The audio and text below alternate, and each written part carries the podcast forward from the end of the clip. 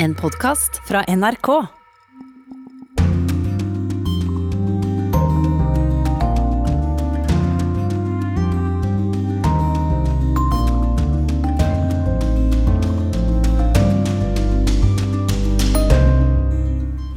Kritikk mot land i nord for å skaffe seg vaksiner på bekostning av land i sør. Um, there is a, a almost a sense of, of vaccine panic that is going on right now.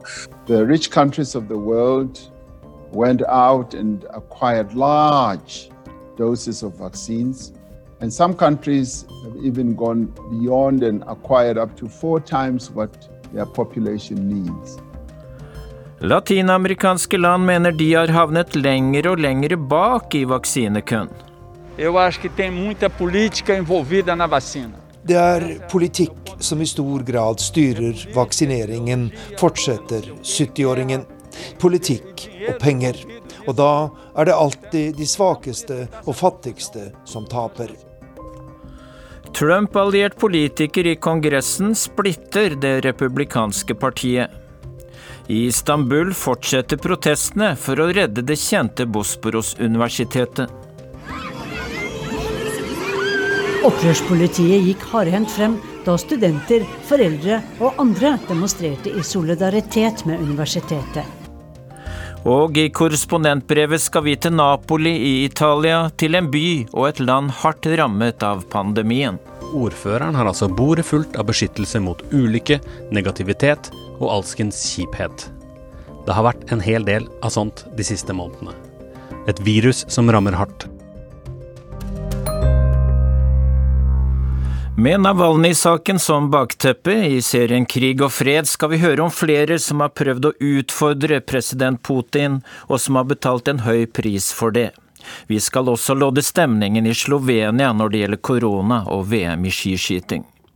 Vel møtt til Urix på lørdag, mitt navn er Dag Bredvei. Vi starter med vaksinekritikk fra land i sør rettet mot land i nord. Sør-Afrikas president er skuffet over at velstående land skaffer seg de beste vaksinene i rekordfart og i stort monn. Vaksinealliansen Gavi sier at mange land har vært rammet av en vaksinepanikk. I dag og i morgen deltar de 55 landene i Den afrikanske union på et digitalt toppmøte for å bl.a. diskutere tilgangen til koronavaksiner i Afrika. Mange afrikanske land sliter med å skaffe tilstrekkelige vaksinedoser.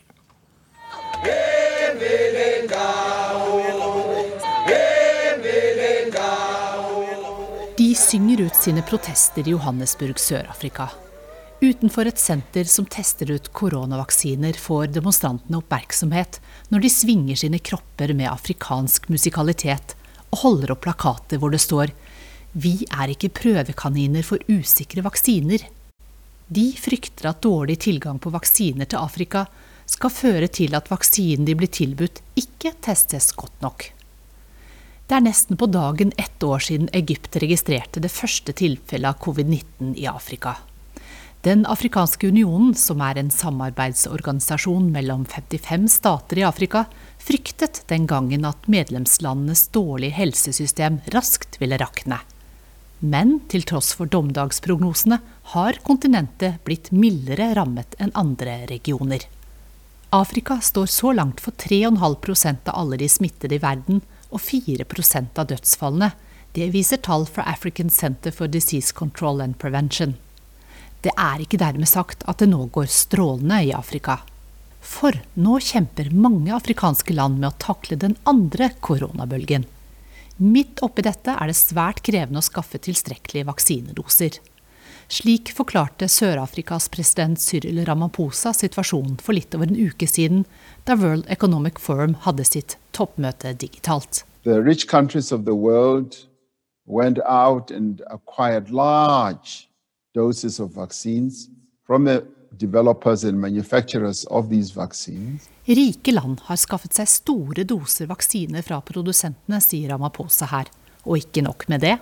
And some countries have even gone beyond and acquired up to four times what their population needs. And that was aimed at hoarding these vaccines. And now this is being done Noen land har skaffet seg fire ganger mer vaksine enn det de trenger, hevder den sørafrikanske presidenten. Det hindrer tilgang for andre land i verden som trenger det mer.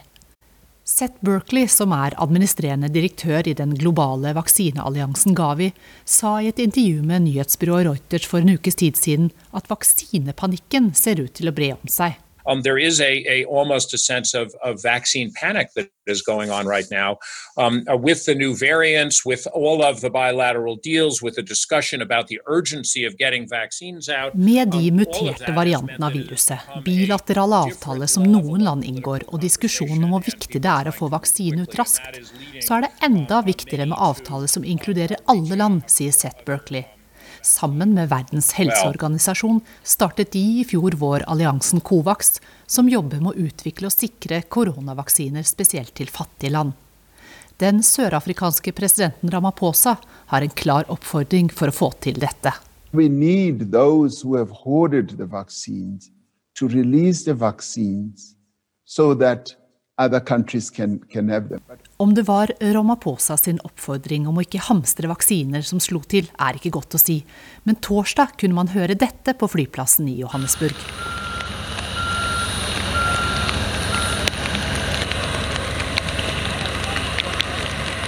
Dette er rett og slett lyden av et fly som parkerer, mens regnet slår mot kameralinsene til alle journalistene som filmer at den første dosen med koronavaksine ankommer Sør-Afrika.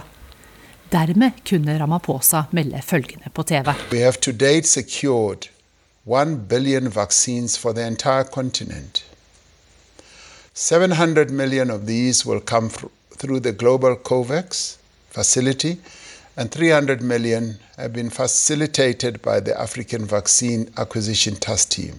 Det vil ikke si at vaksinekampen er over for svært mange fattige land. You know, there are new bilaterals being done now, and at some point it, it goes to diminishing returns because there won't be adequate doses, there won't be adequate supplies for vaccines, the best vaccines may not be able to be scaled up, and, and all of these are problems as we think about trying to end a global pandemic as soon as possible. Det inngås stadig flere bilaterale avtaler, og vi kan risikere at det er vanskelig å produsere nok av de beste vaksinene. Alt dette er problemer som vi må løse mens vi står midt oppe i pandemien, sier administrerende direktør Seth Barkley til nyhetsbyrået Reuters. Og det sa vår reporter Anja Strønen. Landene i Latin-Amerika satser nå på vaksiner fra Russland, Kina og India, mens de vestlige vaksinene er forsinket. Regionen er havnet langt bak i vaksinekøen, og vår medarbeider Arnt Stefansen i Rio de Janeiro har spurt folk på gata hvordan de reagerer. Jeg synes dette er en manglende respekt for menneskeheten, sier den 70 år gamle Cayo Freire, som bor i et slumområde her i Rio. Det er jo de fattige landene som trenger vaksiner mest. Det er der folk bor tettest, og hygienen er dårligst, sier han. Jeg tror det er mye politikk involvert i vaksinen. Det er politikk som i stor grad styrer vaksineringen, fortsetter 70-åringen. Politikk og penger. Og da er det alltid de svakeste og fattigste som taper. Men når den rike verden svikter, er det heldigvis andre vi kan venne oss til, sier han. Argentina, Bolivia og Paraguay, Mexico og Venezuela og nå også Brasil. Vaksinen Sputnik er etterspurt her i Latin-Amerika. Særlig etter at det prestisjetunge legetidsskriftet The Lancet denne uken kom med en svært positiv omtale av den russiske vaksinen. Bueno, yo veo muy positivamente que se haya podido publicar jeg ser dette som svært positivt, sier Fernan Quiros, minister for helse i den argentinske hovedstaden Buenos Aires. Dette er et klart svar til alle som har kritisert bruken av denne vaksinen, og det er et klart signal til alle om at Sputnik er en trygg vaksine med en svært god effekt, sier ministeren. Den 17. januar ble den første koronavaksinen satt her i Brasil. Det var en sykepleier i Sao Paulo som fikk vaksinen, og den var kinesisk. Takket være en fremsynt guvernør og hans samarbeid med den kinesiske produsenten Sinovac, er vi kommet godt i gang med å vaksinere befolkningen mot covid-19, sier den kjente smitteeksperten Alexandre Barbosa til NRK. A única iniciativa real que houve naquele momento no país de eneste som på et tidlig tidspunkt tok et skikkelig initiativ for å skaffe vaksiner til Brasil, var myndighetene i Sao Paulo. De skaffet millioner av doser av den kinesiske vaksinen Coronavac, og det er den som til nå har reddet landet, mens regjeringen har sviktet, sier han. De organização do Ministério da Saúde. Det var et komplett fravær av organisering fra Helsedepartementet og regjeringens side. Vaksinen AstraZeneca, som regjeringen har satset på, har til nå uteblitt, med unntak av en leveranse som man har fått kjøpt fra India, sier eksperten. No causa dolor, o causa muy poquito dolor. Rundt ti land her i Latin-Amerika er nå i gang med å vaksinere sine innbyggere mot koronaviruset, og det er satt drøyt fire millioner doser, rundt 0,6% av innbyggertallet i regionen. Men hver person skal vaksineres to ganger, og for de aller fleste er vaksinen en fjern drøm. Smitteeksperten Alexandre Borbosa ser likevel tegn til bedring her i Brasil. Jeg ser et fremtidsscenario som gir grunn til større optimisme. Etter å ha fått voldsom kritikk, ser regjeringen her i Brasil endelig ut til å ta grep. I tillegg til den kinesiske vaksinen kommer trolig nå den russiske, og snart er vi trolig også i gang med å produsere AstraZeneca-vaksinen her i Brasil, sier smitteeksperten Alexandre Barbosa til NRK. Og vi legger til at Norge er med i Covax-samarbeidet for å skaffe vaksiner til fattige deler av verden. Unicef har fått rollen med å distribuere vaksinene til 92 lav- og middelinntektsland. Norge bidrar med 128 millioner kroner til Covax.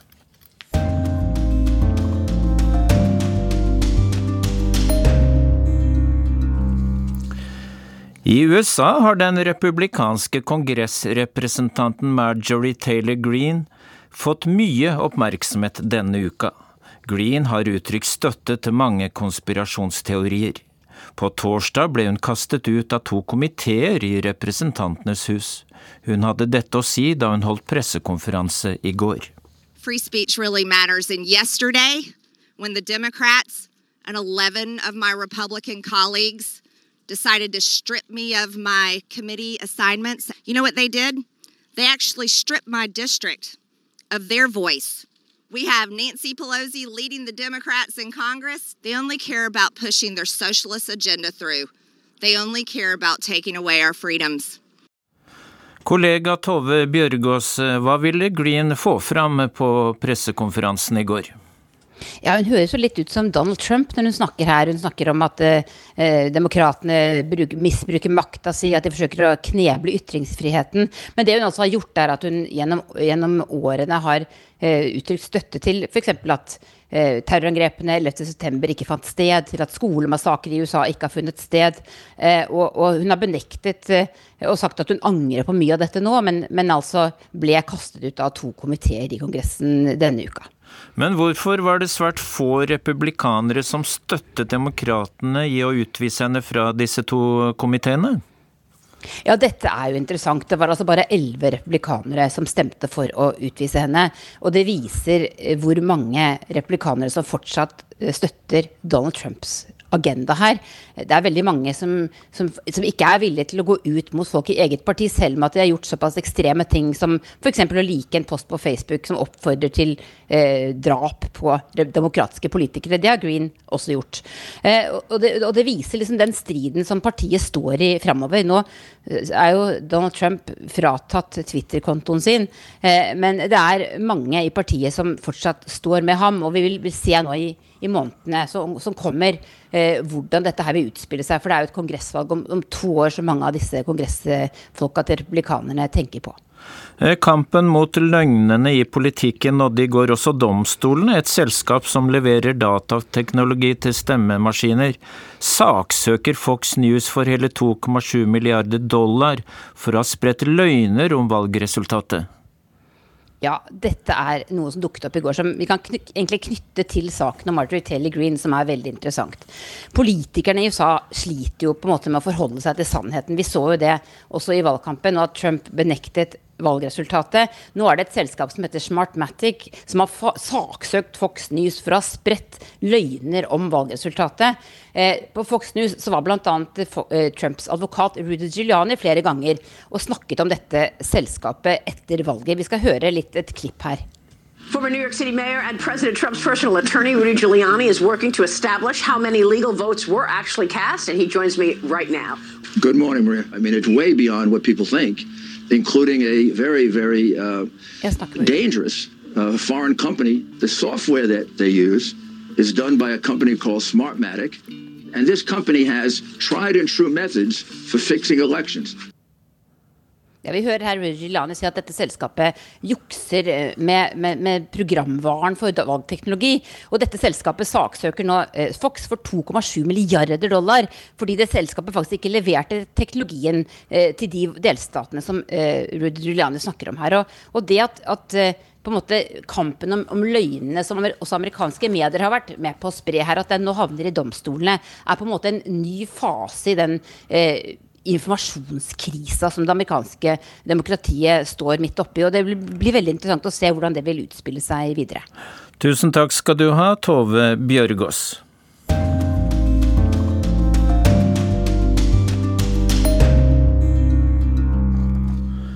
I over en måned har ansatte og studenter ved Istanbuls mest prestisjefylte universitet, Bosporos-universitetet, protestert. De er opprørt over at president Erdogan har innstilt en lojal rektor fra sitt eget parti. Denne uken spredte demonstrasjonene seg i Istanbul også til Ankara. Presidenten slår kraftig tilbake og kaller demonstrantene for terrorister og avvikere. Korrespondent Sissel Wold har møtt demonstrantene. Det ærverdige Bosporos-universitetet ligger på en høyde med utsikt til det vakre Bosporos-stredet. Universitetet er 150 år gammelt og Istanbuls mest prestisjefylte. Men nå er intet vakkert her. Stedet er blitt en kampsone. Her utenfor universitetet er det gjerder og sperringer absolutt overalt. Og det er politi overalt. Og det er også veldig mye politifolk i eh, sivile klær. Væpnet politi med skjold vokter inngangene.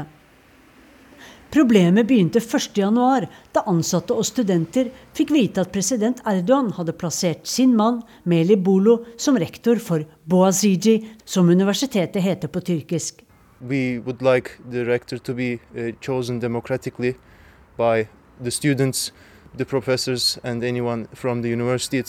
vi vil at rektoren vår skal velges demokratisk av universitetet, slik praksis har vært de siste 40 årene, sier Turgut, som studerer ved Boasiji. Han har akkurat sluppet ut av arresten etter å ha blitt anholdt med et par andre demonstranter i flere dager. Vi snakker sammen innerst i et smalt smug litt unna universitetet, der ingen kan se oss. After he came, Um, the police surrounded our school and they haven't left since. Etter at han ble innsatt, har politiet omringet skolen vår. Og han har gjort stor skade på uavhengigheten og friheten vi alltid har hatt på universitetet. Og så har han stengt LGBT-klubben, sier Torgot. Når presidenten refser demonstrantene, peker han ut nettopp dette miljøet. Inshallah, gençliğimizi LGBT geçtiği değil. Vi skal løfte frem vår ungdom til å lede denne nasjonen, ikke LGBT-ungdommene som vandaliserer landet vårt, sa Erdogan. Han kaller demonstrantene for avvikere og terrorister, grupper som må bekjempes som fiender. Og det så vi denne uken. Opprørspolitiet gikk hardhendt frem da studenter, foreldre og andre demonstrerte i solidaritet med universitetet. Igjen ble mange arrestert. His responsibility to, uh, not should be to the government. His responsibility should be the university academia. And how long do you think that this will continue? It continued to the end. Rektor skal ikke først og fremst tjene regjeringen, men han skal tenke på universitetet, sier Alp, en ingeniørstudent ved Boasiji. Vi vil kjempe til vi oppnår målet vårt, sier han til NRK. Until, uh, Siden kuppforsøket i 2016 har presidenten satt inn partifolk, religiøse og konservative rektorer, professorer og lærere i hele undervisningssektoren. Boasiji-universitetet er siste skanse i denne kampen om ideologisk retning for å utdanne Tyrkias nye generasjon. Jeg ringer John John Dunn, filmskaper og lærer på universitetet. Hi, hi, how are you? Verken han eller noen av de 400 andre lærerne vil gi seg før den nye rektoren er fjernet. It's, it's the Harvard of Turkey. And a lot of people would love to either study at this university or would love their uh, you know, family members to children to uh, study at this university. So people know how precious this university is and how strong it is academically speaking.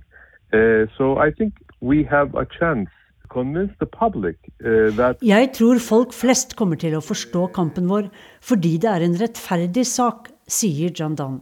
Yeah, For studentene handler imidlertid frustrasjonen om mer.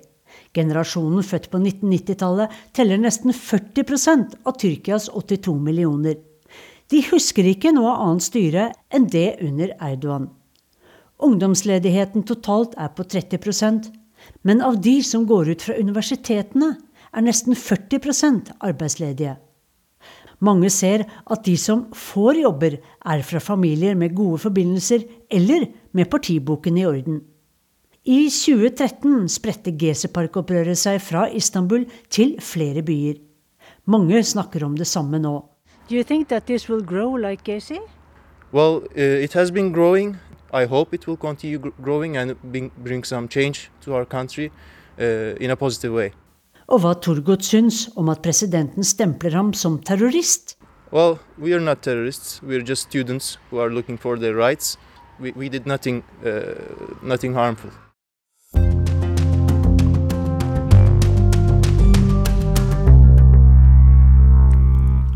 Vintersport er noe vi sjelden snakker om i Urix på lørdag, men i år har den fått en politisk dimensjon.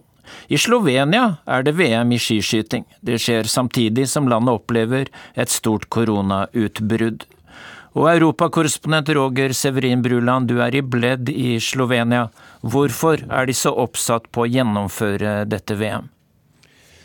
Ja, Som eh, Norge så er jo Slovenia et eh, lite land. Skisporten står sterkt, og det er utrolig viktig når landet har blitt tildelt et VM, å gjennomføre det. Og så er det jo dessverre sånn at i Slovenia nå så er det jo et ganske stort utbrudd av eh, koronavirus. Og da er jo spørsmålet om en presser på for hardt for å få det gjennomført. En har jo også tenkt å ha 500 tilskuere på et stadion for å skape stemning. Og da er jo spørsmålet eh, presser en på for hardt å arrangere dette her eh, mesterskapet, for en vil ha det så inderlig. Eh, og, og, er det forsvarlig, rett og slett. Hva er eh, smittesituasjonen, da? Ja, Slovenia ble jo spart. Det er jo et naboland til Italia i vår så har de jo blitt en del av eh, bølgen som kom nå rundt eh, juletider. Og nå er det jo et, et stort, stort utbrudd her.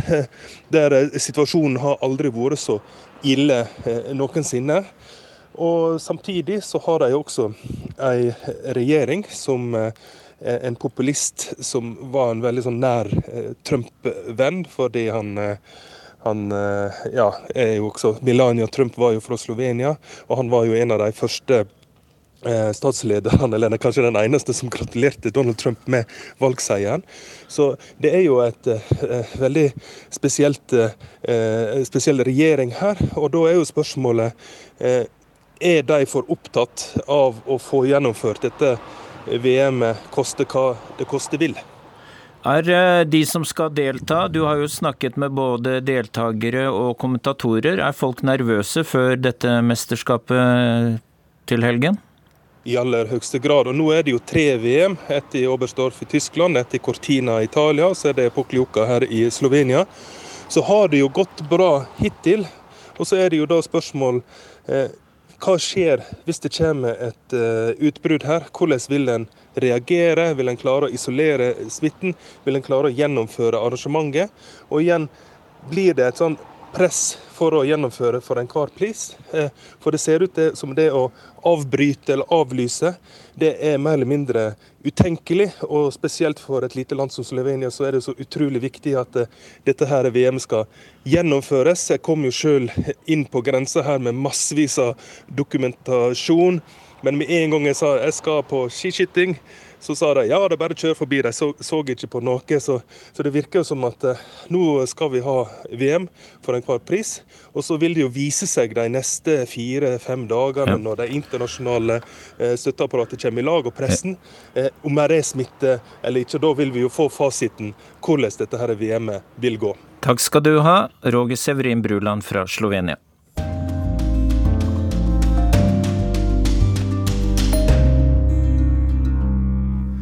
Det er tid for å åpne ukens korrespondentbrev. Det er postlagt i Napoli i Italia av europakorrespondent Simen Ekern. Ordføreren i Napoli har et kontor som minner litt om en suvenirbutikk. Det staselige rommet med utsikt både mot havna og mot Vesuv er fylt opp av gaver og utmerkelser. Diplomer, statuetter og plaketter, og på skrivebordet flere titalls røde små chilipeppere. Eller det var chili jeg trodde det var første gang jeg var i Napoli, men det er små horn, corna, og de er Napolis mest kjente lykkebringende amuletter. Man bør ikke kjøpe dem til seg selv, man må få dem i gave, og ordføreren har altså bordet fullt av beskyttelse mot ulykke, negativitet og alskens kjiphet. Det har vært en hel del av sånt de siste månedene. Et virus som rammer hardt, sosiale konsekvenser som er mer alvorlige her enn i rike deler av Europa, den organiserte kriminaliteten som forbereder seg på å trenge stadig dypere inn i samfunnet, der pandemien har ødelagt håp og framtidsmuligheter. Det var sånne ting jeg skulle snakke med ordføreren om, men han lot vente på seg. Det vil si, egentlig var det jeg som var altfor tidlig ute. Ordførerens pressetalsmann var imidlertid hyggelig selskap der inne på kontoret, og jeg spurte han litt om de lykkebringende amuletthornene. Det var nemlig mye snakk om ulykke i Napoli på denne tiden rett før jul. Historien om miraklet som ikke fant sted, var blitt fortalt i alle aviser og TV-programmer noen uker tidligere. Den går omtrent som det her. San Gennaro, eller Sankt Januarius, er Napolis skytshelgen. Han var en biskop som ble halshugget i år 305, og det som skal være den halshuggede biskopens koagulerte blod, finnes i to små glassbeholdere i Napolis katedral. Og den dag i dag, eller i alle fall tre dager i året, hentes flaskene fram og folk kommer for å be og for å se miraklet. Det størknede blodet blir rennende igjen. Men av og til skjer det ikke, og da skjer de frykteligste ting. Krig, pest, kolerautbruddet i Napoli i 1973, det store jordskjelvet i 1980. Alt skjedde i etterkant av at blodet ikke ville flyte. Det var dermed med betydelig bekymring Napolis innbyggere konstaterte at det samme skjedde 16.12. i 2020. Etter en lang dag med bønn måtte abbed Vincenzo de Gregorio konstatere at blodet var like størknet som før. Som vitenskapstro nordeuropeer tenkte jeg at det fikk være måte på å lete etter dårlig nytt. Det var allerede nok i avisene om man ikke skulle bekymre seg over hva som skjedde eller ikke skjedde med noe gammelt blod i en glasskolbe og med den arrogansen som kjennetegner folk som kommer over en skikk eller overbevisning de ikke kjenner seg igjen i, antok jeg intuitivt at ordførerens pressetalsmann, en representant for politikken, som jo er det muliges kunst, ville dele min skepsis. Det har vært litt av et år for dere, sa jeg, og nevnte sykdom, arbeidsløshet og kriminalitet. Og så, med halvskjult ironi, etter et såpass tøft år, hadde dere vel ikke akkurat trengt et uteblitt mirakel i tillegg? Jeg tenkte at han ville smile og si at de virkelige problemene må vi uansett løse selv, eller noe slikt, men i stedet sa han nei, nei, det går bra. San Gennaro-miraklet finner sted tre ganger i året, og det viktigste er det som skjer i september. Og da rant blodet, spurte jeg. Ja visst, svarte han, alt gikk som det skulle i september, så dette ordner seg nok. Det var jo betryggende, kanskje, eller kanskje ikke, jeg har alltid vært skeptisk til skjebnetro, men de siste månedene har mye jeg har tatt for gitt, endret seg. I år har jeg trodd på en annen væske som oppbevares i små glassampuller, vaksinen. Vaksinen! Snart skal den inn i årene og holde oss alle i live. Gjøre at vi kan besøke hverandre, krysse grensene, gå på fest, se hvordan folk ser ut uten munnbind. Men hva skjer? Alt koagulerer.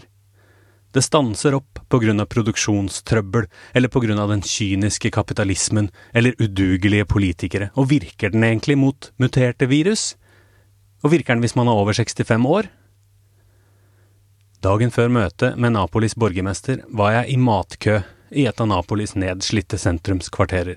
Jeg snakket med folk som var møtt opp for å få en pose med mat, rammet av koronanedstengningene. Et svar gjorde spesielt inntrykk. Rita Lazzaro, var oppgitt over smitten, nedstengningen, jobbene som ikke fantes, og julegavene hun ikke fikk kjøpt til datteren fordi hun ikke hadde råd til noe som helst. Vi er virkelig i trøbbel alle sammen, på alle måter, sa hun før hun fortsatte, og blodet til San Genaro rant ikke heller. Man kunne tenke seg at det uteblitte miraklet ville drukne litt i alt det andre ubehagelige som preget 2020, men for Rita var det altså et varsel om at det verste fortsatt var i vente. Og igjen, hadde man vært opplysningsfilosof, så kunne man reagert mot all denne troen og overtroen som finnes steder som i Napoli og likevel var det umulig å ikke anerkjenne den følelsen av avmakt Rita beskrev. Jeg skjønner at man kan bli fatalistisk når alt rakner, og dette året med pandemi har altså gitt meg en lignende følelse av avmakt, en langt mer privilegert avmakt, så klart, for jeg har jobb, og jeg har råd til julegaver, men likevel noe kraftig og sterkt som jeg egentlig aldri har kjent på før. Det er en følelse av at uklare krefter styrer livet, og det er ingenting man kan gjøre med det. Viruset har endret alle planer. Innimellom virker alt umulig, grått og trått, og akkurat idet det løsner og lysner og troen på vitenskapen triumferer, blir det mørkt igjen. I matkøen der Rita sto, jobbet en mann i 40-årene som frivillig. Luigi Volpe var glad for å kunne bidra med litt til dem som ikke har noe, men som politisk aktiv person var hans største håp å slippe å drive med dette for langt ut i 2021. Jeg vil kjempe for en bedre organisering av helsevesenet, jeg vil i gang med miljøkampen, det er mange kamper å utkjempe, bare vi snart kan slutte å snakke om pandemien. Innerst inne tenker jeg fortsatt at for mye skjebnetro lammer muligheten til å endre samfunnet. Hvis alt som skjer er utenfor vår kontroll, er det ingenting å gjøre. Vi er nødt til å finne fram andre verktøy i kassa enn resignasjon. Jeg kjøpte ikke noe chilipepperhorn i Napoli. Ikke fikk jeg noen i gave heller. Men for å støtte opp om Luigis håp om at det snart blir plass til å utkjempe andre kamper, tar jeg et godt tak rundt en annen suvenir jeg kjøpte i Napoli. En statue av Diego Maradona med englevinger. Etter flere avgjørende år i Napoli fikk Maradona en helt spesiell plass i innbyggernes hjerter og da han døde i høst, tok det ikke lang tid før plakater og graffiti på husveggene slo fotballspillerens status fast. Han var Sankt Diego nå. Og kanskje kan Maradona være et uh, nyttig kompromiss mellom mirakeltro og viljen til å gripe aktivt inn selv for å endre historiens gang. For som alle som så VM-kampen mellom Argentina og England i 1986 vet, var ikke Maradona fremmed for å ta skjebnen i egne hender. Riktignok fortalte han etterpå at det var Guds hånd som hadde slått ballen over Englands keeper, men ingen visste bedre enn Maradona at han hadde en finger eller to med i spillet selv.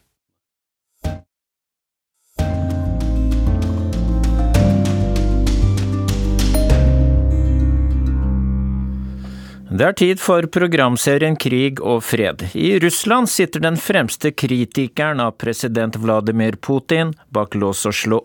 Aleksej Navalnyj har betalt en høy pris. Vi skal høre om andre som har prøvd å utfordre Putin, og som også har betalt en høy pris for det. Aleksej Navalnyj fikk nervegift i noe han drakk på en flytur. Eller i trusa. Andre Putin-kritikere er blitt skutt. Noen har hengt seg. Eller de er blitt drept med radioaktivt stoff. Hvorfor behandler regimet i Russland kritikere så hardhendt? Og er Navalnyj annerledes enn dem som har kritisert Putin før ham? Det skal handle om giftmord. Drapsforsøk. Og masse penger på kontoer i London. Du hører på Krig og fred. Med Tore Moland. Og Tove Bjørgaas.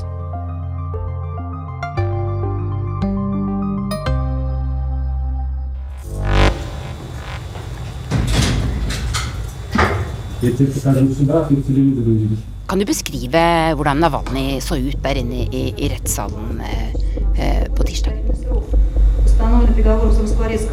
Han, han, vet jo nå at han blir sittende i fengsel, men han ser, han ser ikke redd ut. Nei, og, og, det er han jo ikke. Jeg mener, eh, Alle de russerne jeg snakker med som, eh, som liker han, sier at motet hans er jo helt ufattelig. Noen vil jo si at det nesten nærmer seg eh, noe selvmordsaktig over dette her. Ved at han drar tilbake og er villig til å gå i fengsel der hvor myndighetene har absolutt all kontroll over han, og hvor hva som helst egentlig kan skje med han. Jeg er eh, Jan Espen Kruse. Jeg er eh, korrespondent for NRK i Moskva. Han eh, hadde jo en eh, overbærende mine. Han smilte jo en god del. Han eh, drev litt gjøn med hele systemet. Han mener jo at hele rettssaken er absurd, og at det er egentlig bare ren politikk fra myndighetenes side.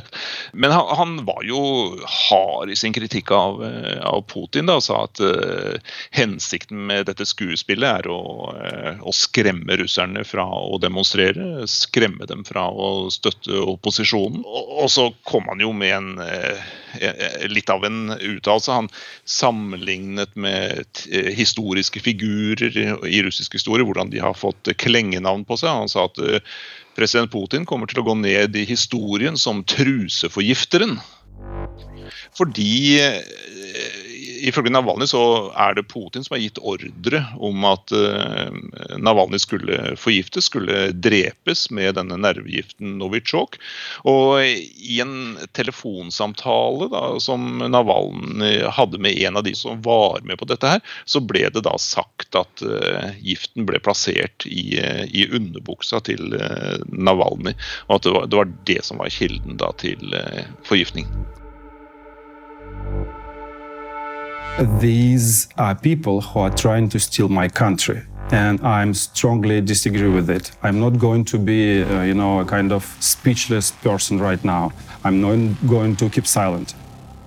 Disse folka forsøker å stjele landet mitt, og jeg har ikke tenkt å være et stemmeløst menneske nå, sa Aleksej Navalnyj til en amerikansk journalist i 2017.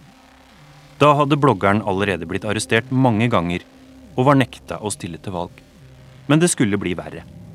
I august i fjor ble han akutt syk under en flytur i Russland. Piloten nødlanda. Navalnyj ble fløyet til Tyskland, der leger på et sykehus i Berlin redda livet hans. Og bekrefta at han hadde nervegiften Novitsjok i blodet. Det er litt uklart uh, hva det er som virkelig har skjedd, hvor giften har vært. Om den har vært ett sted, to steder eller flere steder. Men du sier altså at Navalnyj sier at han hadde en telefonsamtale med en av dem i FSB, det russiske sikkerhetspolitiet, som han mener var med på å forgifte ham.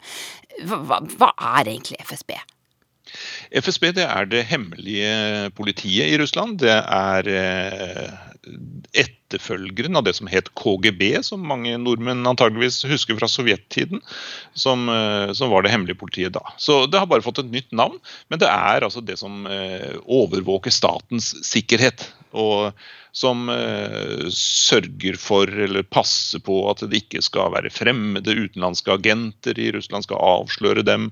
Eh, sørge for at eh, terrorvirksomhet eh, skal eh, oppdages og, og, og fjernes. Og, som har ja, de tradisjonelle oppgavene som et hemmelig politi i en stat har. Og de er blitt knyttet til mange av de drapsforsøkene og drapene som har skjedd de siste ti årene mot opposisjonelle? Ja, de har jo det. Eller altså, disse tingene er jo veldig vanskelig å bevise. Men denne liberale opposisjonen har jo har jo da eh, sagt eh, hver gang det har vært eh, sånne saker, at, at de blir forfulgt. Det er FSB, det er det hemmelige politiet som gjør livet vanskelig for dem. Som prøver å, å hindre politisk opposisjon i, i, Russland. Og opposisjonen sier at det er FSB som driver med disse hemmelige aksjonene. Og som er med og ja, arresterer, fengsler, og også av og til tar livet av uh, opposisjonelle, de som de oppfatter som en trussel mot det politiske systemet. Vladimir Putin came from nowhere. He'd been a minor official in the KGB. The oligarchs in many ways brought Vladimir Putin to power. Vladimir Putin ble altså president i Russland i år 2000. Men før det så hadde han jobbet både i KGB og FSB, altså det hemmelige politiet. Da Putin ble president, så hadde Russland nettopp gått gjennom noen heseblesende år etter at Sovjetunionen gikk i oppløsning i 1991. Og overgangen fra kommunisme til markedsøkonomi hadde gjort en håndfull russere helt ekstremt rike.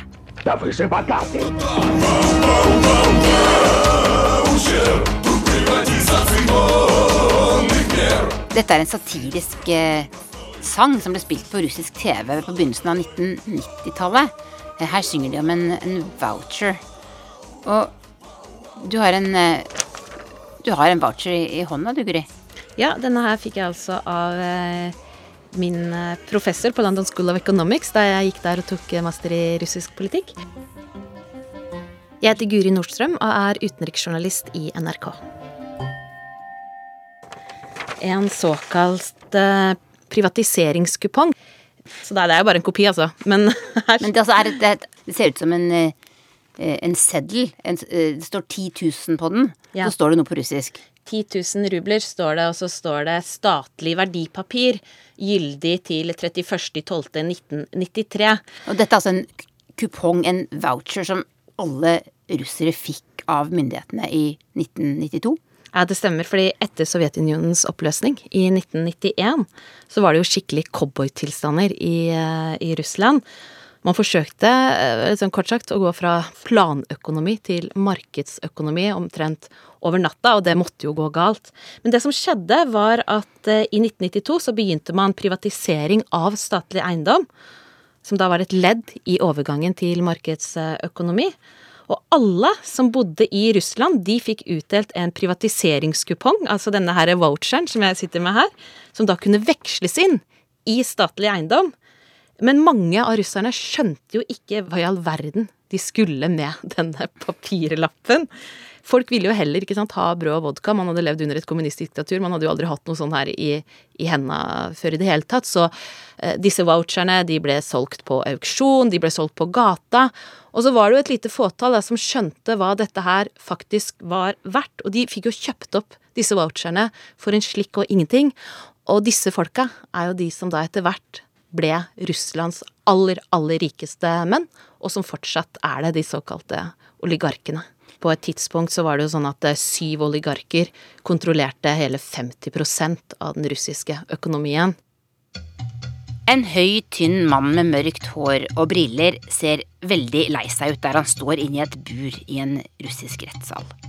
Han heter Mikhail Khodorkovsky, og året er 2003. Kholorkovskij var en av oligarkene som tjente seg søkkrik på å bygge opp et oljeselskap med vanlige russeres privatiseringskuponger. Han ble etter hvert landets rikeste mann, men stadig mer kritisk til president Putin. Han framsto som en, en, ung, svært intelligent eh, kar eh, i det intervjuet jeg hadde med han. Men så begynte han altså å, å blande seg inn i politikk. Og eh, gjorde klart at han ville stille i presidentvalg i Russland. Og da ble han rett og slett arrestert. Eh, president Putin ville ikke ha noe av det. Han gjorde det tindrende klart at eh, disse oligarkene, disse superrike, de kunne få drive med sitt, men hvis de blanda seg inn i politikk, så ville de bli fengslet. Og etter noe sånt som ti år i fengsel, så ble han satt fri, og han dro til London da. Khadarkovskij han sitter nå da altså og, og, og støtter opposisjonen i, i, i, Russland fra London. Og Guri, eh, Khodorkovskij er ikke den eneste av oligarkene som endte opp i London. Der døde også en annen av dem, Boris Berezovskij, i 2013. Altså Boris Berezovskij han var jo en av disse russiske oligarkene som tjente seg styrtrik under Boris Jeltsin. Han var også en av hovedaksjonærene i flere av Russlands største statlige TV-kanaler. Etter hvert så kom han på kant med Putin og ble en av hans største kritikere. Han eh, fikk da også flyttet altså til eh, Storbritannia, der han fikk flyktningestatus, flyktningstatus, og hvor han fortsatte da å kritisere Putin derifra. Han døde også, men ble han drept? Akkurat rundt det så hersker det litt eh, tvil hva det var som egentlig skjedde rundt eh, hans eh, dødsfall. Altså Russiske påtalemyndigheter de anklaget jo Berezovskij for å planlegge å begå statskupp i Russland, og bare flere ganger Storbritannia om å utlevere han, noe han da ikke ble. Han hadde jo fått flyktningstatus der. Og så døde han da for ja, 2013, sju år siden, da. I Surrey. Altså, det var, det, det var spekulasjoner om, eh, om om, Russland kunne vært involvert på noen måte, men samtidig ble det også sagt at uh, han hadde vært deprimert.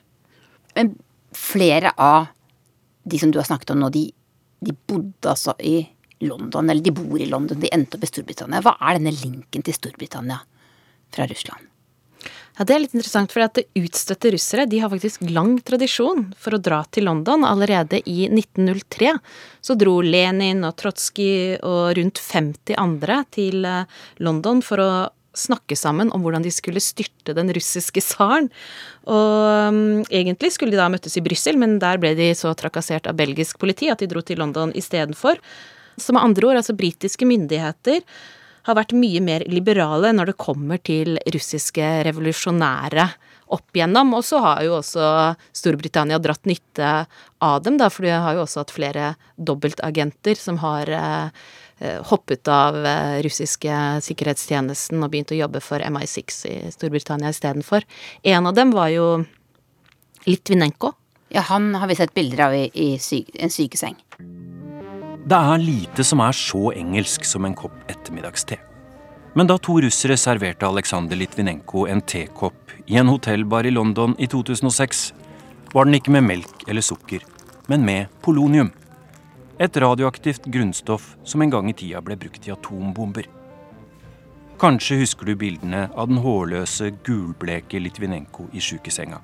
He started to lose his hair, and after that he never came out from this bed. Etter tre uker døde den tidligere KGB-agenten og avhopperen. Du har kanskje lykkes i å bringe én mann til taushet, herr Putin, men protestropene skal gjalle i ørene dine resten av ditt liv, lød hans siste ord. I was the Guardian's Moscow correspondent for four years between um, 2007 and, and 2011, and I, I, wrote about things the Kremlin didn't much like. For example, how much money Vladimir Putin has. Um, and I think the thing that really irritated the Kremlin my investigation into the murder of Alexander Litvinenko in 2006, the dissident who was poisoned with a radioactive cup of tea. Um, and all of this culminated in my being thrown out of the country in 2011. Um, I'm Luke Harding. I'm a journalist with the Guardian newspaper and a writer, author of several books on Russia, most recently Shadow State. And so can you just just list for me uh, a few of the Russian uh, opposition figures who have actually been assassinated in the UK? I mean, how long have you got? it, it is a long list. Um, Alexander Litvinenko in 2006, um, Boris Berezovsky in, in spring 2013, found, found dead in his ex wife's home, possibly suicide, possibly not. Um, and we have others like someone called Alexander Peripalichny who, who dropped dead while jogging. No cause of death was ever established, but the suspicion was Den britiske journalisten Luke Harding ramser opp russiske opposisjonelle som har dødd i Storbritannia de siste 20 årene. Han har fulgt russere i London helt siden han ble kastet ut av Russland da han var korrespondent der i 2011. A lot of them have died in pretty murky circumstances. Radioactive cup of tea, Berezovsky was found hanged, um, and uh, others have been strangled, poisoned. and so on. And I, I think I think the thing about London is that that Russia has a love-hate relationship with it. I mean, they love it because it's a place where they hide their money, all the money they've stolen back home, defended by British lawyers, hidden in British bank accounts. Um, but hate because it's it's seen as this center of anti-constitutional opposition to legitimate Russian power. That's how Putin sees it. Han mener noen russere elsker London fordi det er der de gjemmer pengene sine. Men hva med president Putin? And he really hates the UK. I mean, he had tea with the Queen once, but that was a long time ago.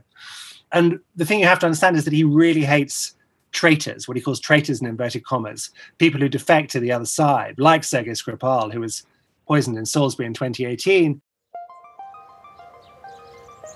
På en benk i sentrum av byen Salisbury har en far og datter satt seg ned sammen. De har vært en tur på kjøpesenteret, spist middag og vært innom puben. Mens de sitter der på benken, mister begge bevisstheten. Den russiske dobbeltagenten Sergej Skripal og dattera Julia er forgifta med nervegifta Novitsjok. Britisk politi mener to russiske agenter sto bak. Nervegiften hadde de gjemt i ei parfymeflaske som blir kasta i ei søppelkasse. En mann finner den og gir den videre til ei dame han kjenner. Hun sprayer Novitsjok på begge håndleddene og dør. Både Sergej og Julia Skripal overlever. What, what we're seeing is we're seeing Russia sliding from from authoritarianism towards almost totalitarianism, I would say, towards the sort of Soviet Union 2.0, where actually Russland er i ferd med å bli minst like undertrykkende som Sovjetunionen var, mener Luke Harding i The Guardian. Det er jo ganske heftige beskyldninger å komme med. Men hva har så Boris Johnson og andre britiske politikere gjort med all kriminaliteten mellom russere på britisk jord de siste årene? Well, I mean, this is a radio interview, so you can't actually see me sort of shaking my head in, in, in despair and melancholia. But the short answer is the British government's been doing very little. Um, for a number of reasons. Firstly, because Boris Johnson, I think his vision for post Brexit UK is basically Monaco with, with lousy weather, that we're going to be this sort of tax paradise where you roll out the carpet for every kleptocrat in the world, no questions asked, because we'll need all this cash now we left the European single market. What about uh, Alexei Navalny? Has he also spent some time in, in England? Um, he, I mean, he, he's, I think he, he's been here glancing now. The last time I saw him actually was in Moscow, just before I was um, thrown out of the, the country. But um, the thing about Navalny is that he is essentially a kind of Russian politician. I mean, he speaks fluent English, but I think his decision to fly back to Moscow last month in January, almost five months after he'd been poisoned in Siberia by the FSB, Putin's old spy agency, was um, an astonishing uh, an historic act of, of bravery, of, of, showing the Kremlin that he was not afraid of them, and really trying to kind of galvanize opposition um, to the Putin regime. Um, now he's in custody; he's not going anywhere. I suspect he's going to be locked up for a, for a period of years, um, and we have to see where the protests take us. But I do think it's a very interesting moment for Russia.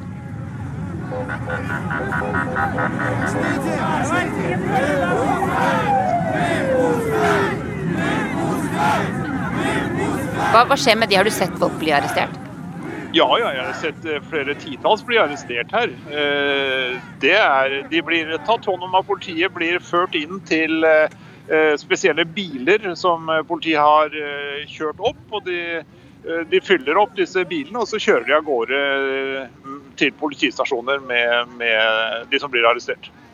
Det er, det er, jo opprørspoliti som det er mest av her. De ser jo ut som eh, romfarere nærmest, med sine hjelmer og visir, skuddsikre vester, køller, eh, sånne plastforsterkede ting rundt armer og bein. Altså, eh, det er jo eh, ganske skremmende.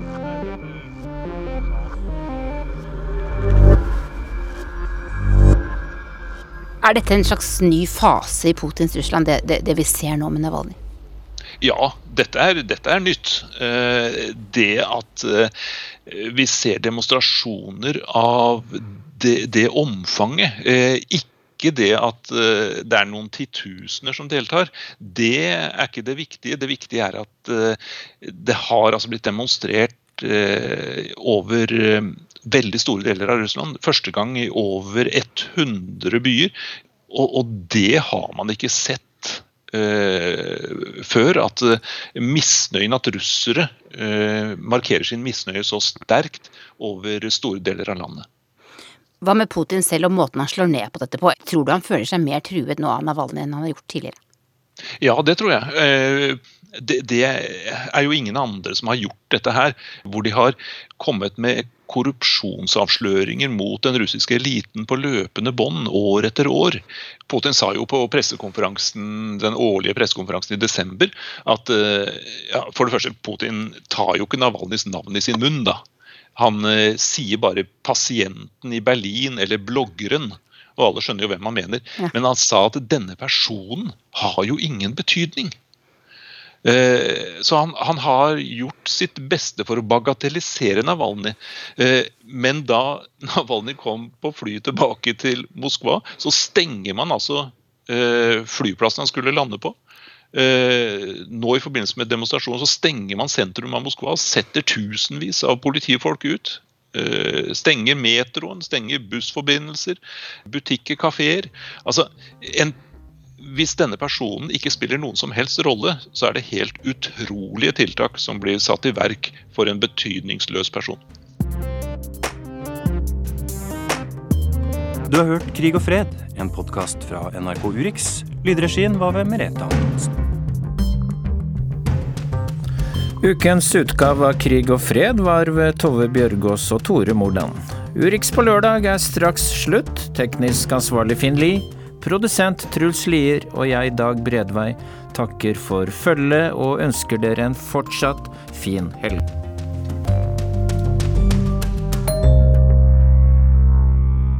Du har hørt en podkast fra NRK. Hør flere podkaster og din NRK-kanal i appen NRK Radio.